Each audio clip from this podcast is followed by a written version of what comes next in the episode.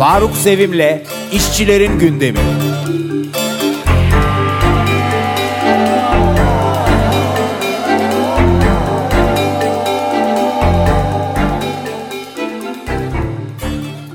Merhaba, bugün 26 Eylül yeni bir işçilerin gündeminde birlikteyiz.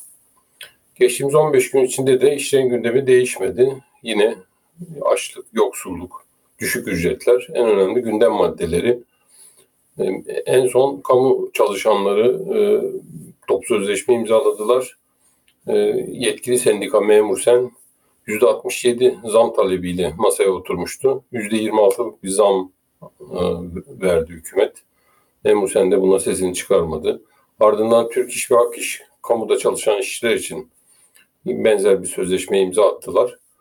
Sonrasında da bağlı sendikalar işte yaklaşık 200 bin işçiyi açlığa mahkum eden bir sözleşmelere imza attılar.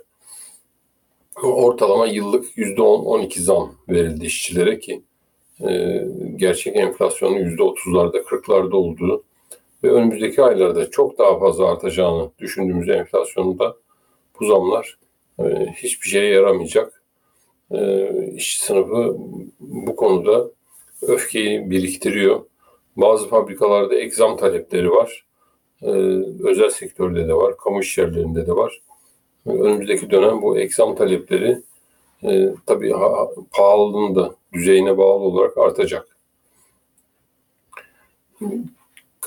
Antikapitalist çalışanlar e, Doktor Larin Kayataş ile ilgili bir bildiri yayınladılar. Larin Kayataş e, Taksim İlk Yardım Hastanesi'nde görevli e, bir kamu personeli e, trans birey olduğu gerekçesiyle işine son verildi. Öncesinde bir takım cezalar da verilmişti. E, trans bireylerin haklarına sahip çıkan antikapitalist çalışanlar buna protesto ettiler. İşten çıkarılmasının başka kişilerin de işten çıkarılmasının önünü açacağını söyleyerek bu konuda bir basın açıklaması yaptılar. Larin Kayataş'ın işe iadesini istediler. Yine antikapitalist çalışanlar e, enflasyonla ilgili bir e, bildiri yayınladılar.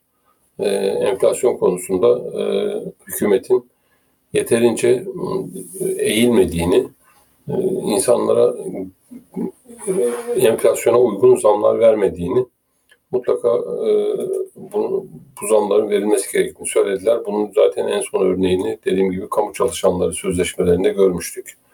Antikapitalist çalışanlar bu sözleşmeleri de protesto ettiler. Sendikaları da eleştirdiler.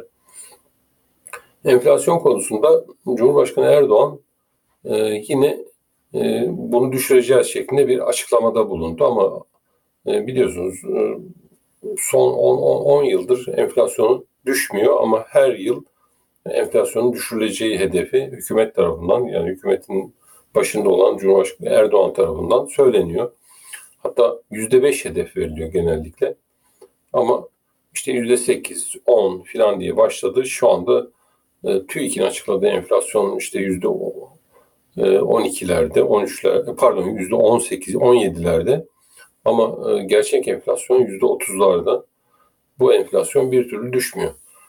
Bu konuda aslında e, daha yakından bakmamız lazım. Çünkü enflasyon e, işçinin cebinden alıp, yoksulun cebinden alıp zengine verilen bir sistem.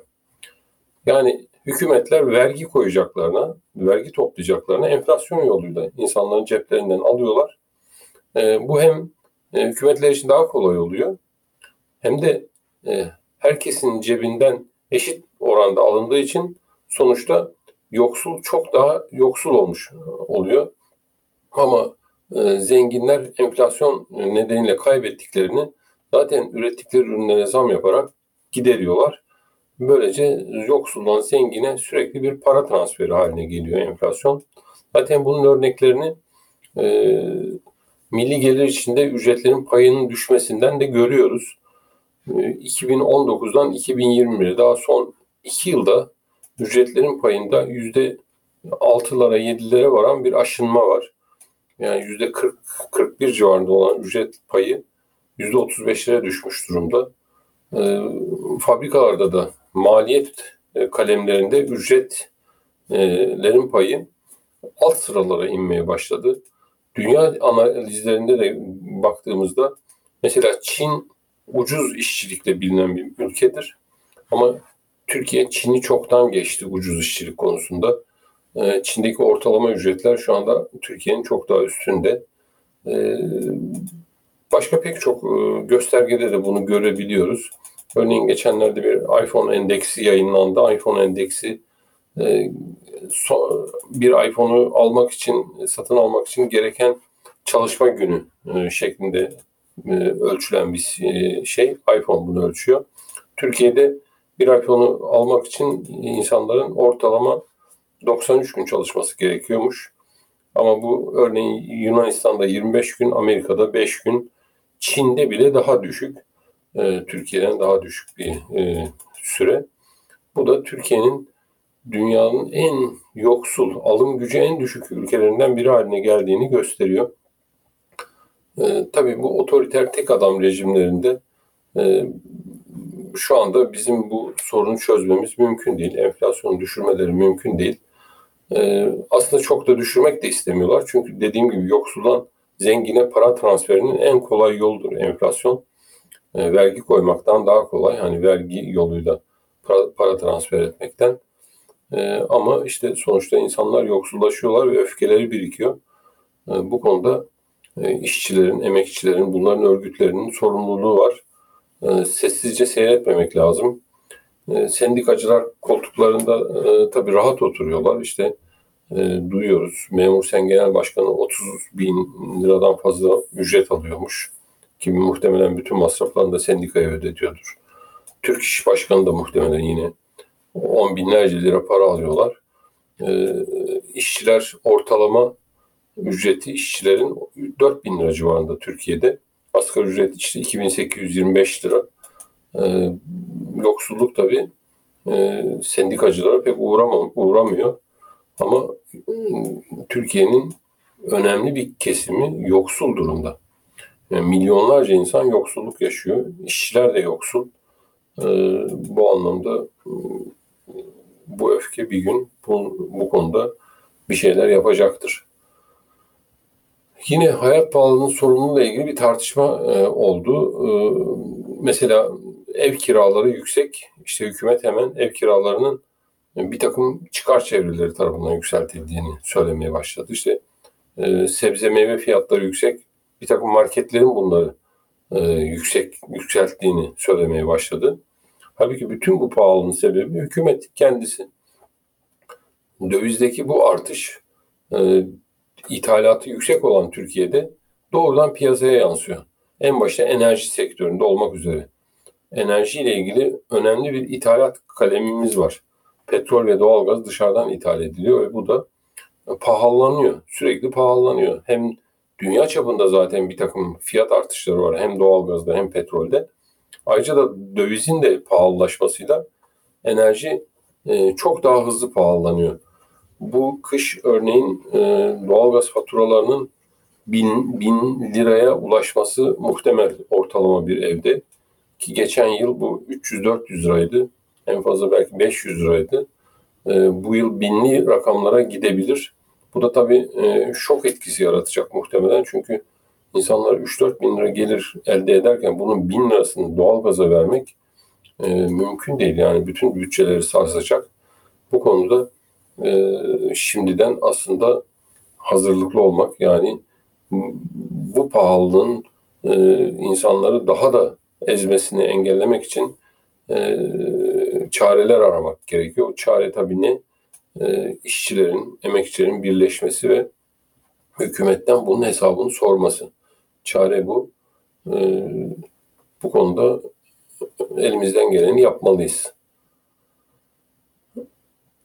Hükümetin çünkü artık bu konularda adım atacak hali yok. Kasasında döviz yok. Artık e, borç alacak hali de e, kalmadı. Çevre ülkelerden işte Katar'dan, Çin'den bir takım paralar getirebiliyor. Ki onlar da sınırlı sayıda paralar. E, dolayısıyla bu kriz önümüzdeki kış e, Türkiye'yi kötü vuracak. Bir kurtuluş ümidi de yok. Yani herhangi bir yerden gelecek bir para da yok. Kamu özel işbirliği projeleri e, hükümetin biliyorsunuz e, önem verdiği konulardan biri. Çünkü bu da yine bazı şirketlere kaynak aktarmak için e, çok kolay bir yol oldu. Şirketler bir iş ihale ediliyor. İhale edilirken hükümet hiç işin fiyatına, maliyetine bakmaksızın işi veriyor. Hatta kamuoyuna da sürekli şunu empoze ediyorlar. Bu işten kim, halka hiçbir yük gelmeyecek, hiçbir maliyet gelmeyecek. Zaten şirket kendi parasını bulacak, işi yapacak. Sonra da e, işletmesini de devralacak. İşte 10 yıl, 15 yıl işletecek. Ma, e, parasını oradan çıkaracak. Halbuki iş öyle değil. Zaten e, olanlarda kamu özel işbirliği projelerinde mesela e, Osman Gazi Köprüsü'nde, Avrasya Tüneli'nde, e, Yavuz, e, Yavuz Sultan Selim Köprüsü'nde, e, Atatürk Havalimanı'nda bunları gördük. Bir takım otoyollarda bunları gördük. Hükümetin yaptığı şu, e, bir garanti sayı veriyor o işletmenin işletmecisine yani yapımcı firmaya. Bu garanti sayı da hiçbir yerde tutmuyor. Hiçbir özel kamu özel işbirliği projesinde garanti sayıya ulaşıldığı görülmedi şimdiye kadar. Hani onun yarısına bile ulaşıldığı görülmedi. Dolayısıyla hükümet e, o işletmenin elde ettiği gelirin e, eksik kalan bölümünü ki önemli bir kısmı eksik kalıyor. Bazı projelerde %90'ı %95'i eksik kalıyor. Onu da bütçeden karşılıyor. Böylece aslında hepimizin cebinden çıkmış oluyor bütün bu kamu özel işletmelerin maliyeti. Hükümet de bunu bir başarı olarak söylüyor. Mesela en son işte Çanakkale Köprüsü 2022'de açılacak 18 Mart. Normalde böyle bir köprü 200-300 milyon euroya rahatlıkla yapılabilir. E, araştırdığım maliyetler o düzeyde. Ama e, işletmeci firma 10, 11 yıl daha işletecek burayı ve e, e, yine hesaplamalara göre yaklaşık 3 milyar dolar e, para kazanacak. E, 3 milyar dolar nerede? 300 milyon euro nerede? E, firma burada e, yani tabii kendi masrafları da olacak o işletme sırasında ama sonuçta harcadığı paranın 2-3 katını rahatlıkla e, alacak. E, ya geçenlerden alacak ya da hükümetten alacak, bütçeden alacak. Aslında bu da bir şey fark etmiyor. Yani ha bizler doğrudan köprüden geçerken para vermişiz ha da, ha da e, devlet bütçeden bunu vermiş. Sonuçta Türkiye'deki para bu. E, o para bu firmalara verilecek. E, bu yolla Türkiye'nin şu anda e, çeşitli firmalara 160 milyar dolar civarında borcu var. Ve bu borç e, resmi borç tablolarında görünmüyor. Yani kamunun Türkiye'de işte şu anda 150 milyar dolar civarında borcu vardır. O biraz daha arttı gerçi son zamanlarda 180-190 milyar dolar oldu. Ama bu kamu özel işletme, e, kamu özel işbirliği e, projelerinden gelecek 160 milyar dolar borç bu tabloda yer almıyor. Onu da saysak aslında kamunun 300-350 milyar dolar borcu var. Burada da bir hile yapmış oluyor hükümet. E, ama sonuçta işte reel olarak bir borç ve bütün toplum olarak bu borcu ödeyeceğiz. E, ve çok yüksek maliyetlerle e, insanlar e, kazıklanıyorlar. Halkımız kazıklanıyor, hepimiz kazıklanıyoruz. Bunu ee, şehir hastanelerinde de gördük. Onlar da e, kamu özel işbirliği projeleri. Pek çok projede gördük.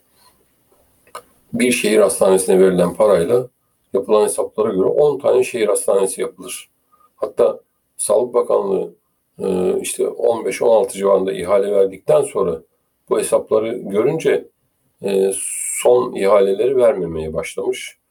Tabii tek neden o değildir muhtemelen. Çünkü bu hesapları yapmak çok zor değil e, insan, e, hükümet bile bile e, bütçenin bu şekilde aşındırılmasını sağlıyor, sebep oluyor. Kaynaklar özel şirketlere aktarılıyor. İşçi direnişleri geçtiğimiz 15 günde de devam etti. E, Trakya'da Belkarper ve Atko Türk işçileri e, grevdeler. E, sendika, e, Türk Metal Sendikası e, buralarda örgütlü ama işverenler sendikayı tanımıyorlar ki Türk Metal biliyorsunuz Türkiye'deki işveren yanlısı en e, bilinen sendikadır. E, Hiçbir sorun çıkarmaz aslında işverenlere. Ama işte o sendikayı bile istemiyor işverenler, patronlar bu iş yerlerinde. E, Tekirdağ Valiliği önünde bir eylem yaptı işçiler. E, gözaltına alınanlar oldu. Seslerini duyurmaya çalışıyorlar. E, ilk sağ, e, Salkomp e, iş yeri e, Avcılar Ambarlı'da e, cep telefonu üretmek üzere yeni kurulan bir iş yeri. Çin sermayeli. Burada da yeni sendikalaşma oldu. Yine Türk Metal e, Sendikası örgütlendi. İşveren burada da sendikayı tanımadı, işçileri işten attı ama sonuçta işçiler direndiler ve e, bir mut- mutabakat sağlandı. Atılan işçiler geri alınacak. E, toplu sözleşmede imzalanacak. Bu konuda işçilerin direnişi sonuç verdi Salkomp'ta.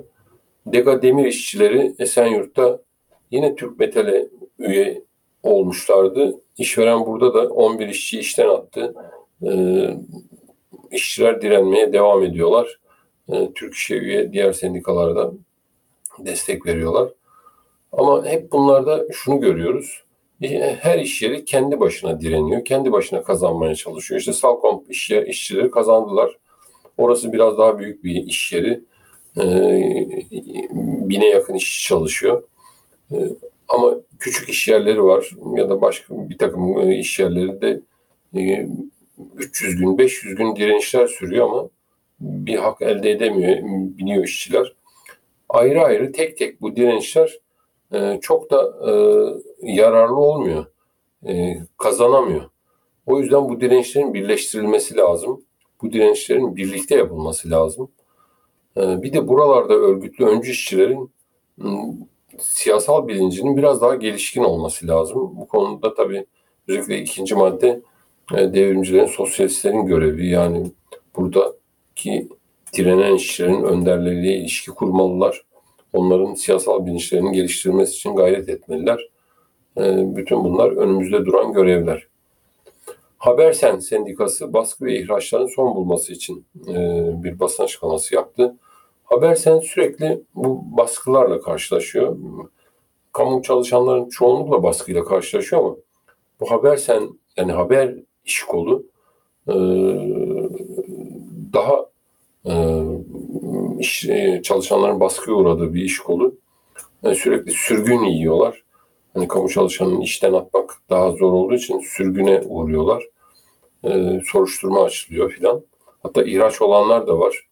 Bir takım sudan sebeplerle ihraç edilen Habersen üyeleri de var. Bu konuda tepki gösterdi. Konya'da bir fabrika, Kent Par fabrikasında diske bağlı Birleşik Metal İş Sendikası örgütlenmeye çalıştı. Ee, işçilerin çoğunluğunu örgütlediler. 250 iş için çalıştığı bir fabrika. 150'sini örgütlediler ama patron işçileri işten attı. Şimdi e, direniyorlar. Haklarını almaya çalışıyorlar. E, genel olarak e, haftanın gündemi böyle. 15 gün sonra görüşmek üzere. Hoşçakalın.